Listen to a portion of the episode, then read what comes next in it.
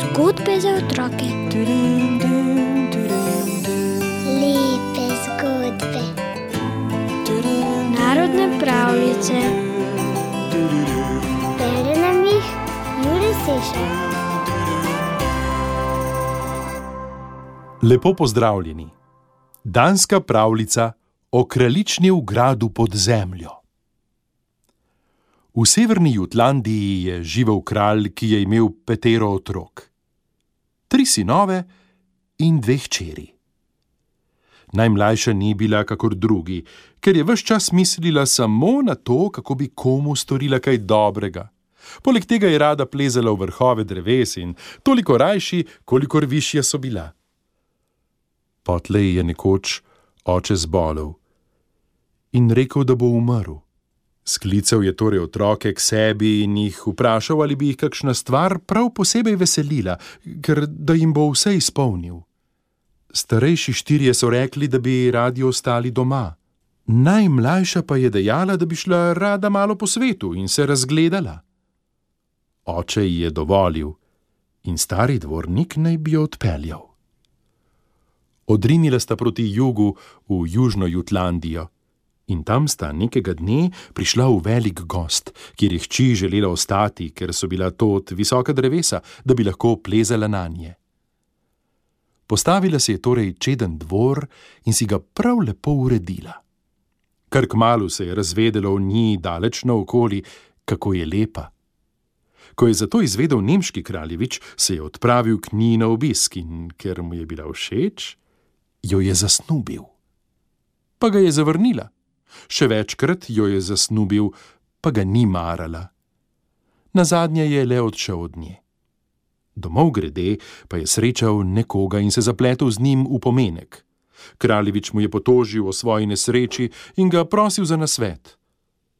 Popotnik mu je rekel: eh, Dobrega nasveta ti ne morem dati, zato pa ti lahko dam slabega. Niti treba storiti nič drugega, kakor seči v torbo, ki jo imam tule, pa boš zadev na pravo. Kraljevič je segel z roko v torbo in otipal kačo. Kaj pa naj naredim z njo? je vprašal. Vrzi jo v glavo svoji ljubici in ji reci: Umri in leži mrtva, dokler ne pride kdo, ki spregovori s teboj v jeziku tvoje matere in potlej izgini. Kraljevič se je res obrnil nazaj in še enkrat zasnubil.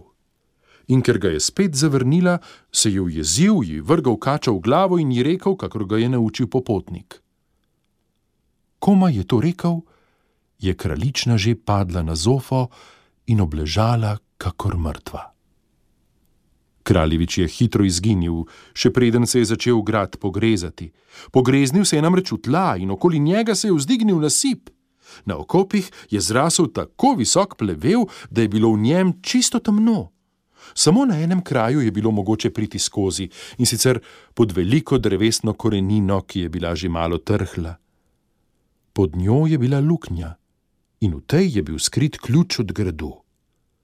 V gozdu so utihnili ptiči in pot proti gradu se je čisto zarasla, da je ostala samo še oska stezica kjer pa je steza zavijala v gost, sta stali dve drevesi in se tako prepletali, da se nihče ni upal zriniti med njo.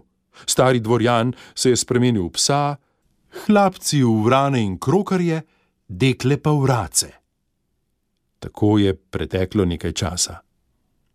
Tedaj je v severnem Jutlandu živela revna žena, ki je imela mladega sina. Ta je nekaj zvedel o gradu, Sklenil je torej rešiti kraljično, zato je odrinil z doma. Ob robu gozda je naletel na psa in jo mahnil za njim proti drevesoma, ki sta bili močno prepleteni med seboj.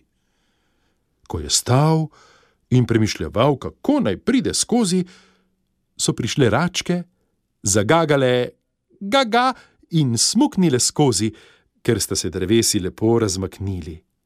Ha, tule skozi se je torej treba pregagati, je rekel in brž planil, kakor hitro sta se drevesi malo razmaknili.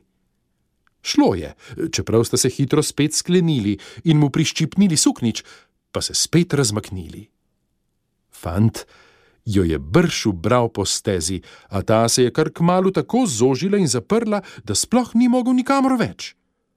Potle so prileteli vrani in krokari in zakrakali: Kra, kra! Aha, hočete reči, naj tudi jaz zlezem v vrh, je dejal, tudi prav.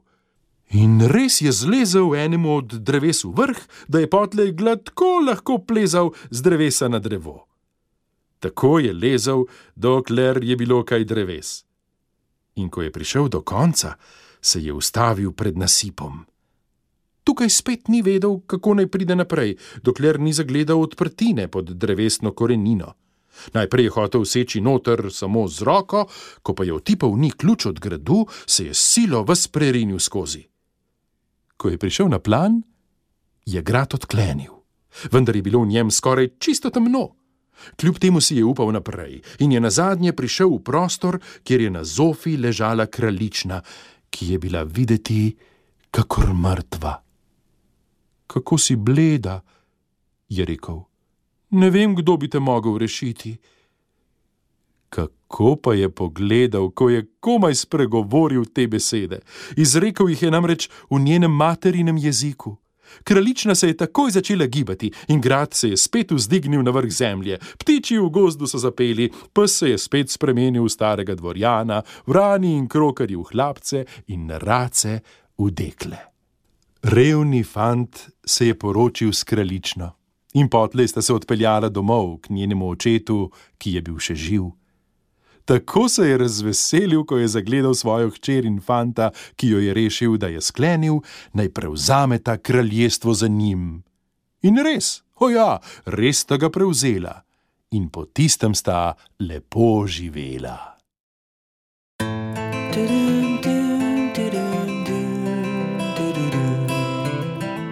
Zgodbe za otroke. Lepe zgodbe.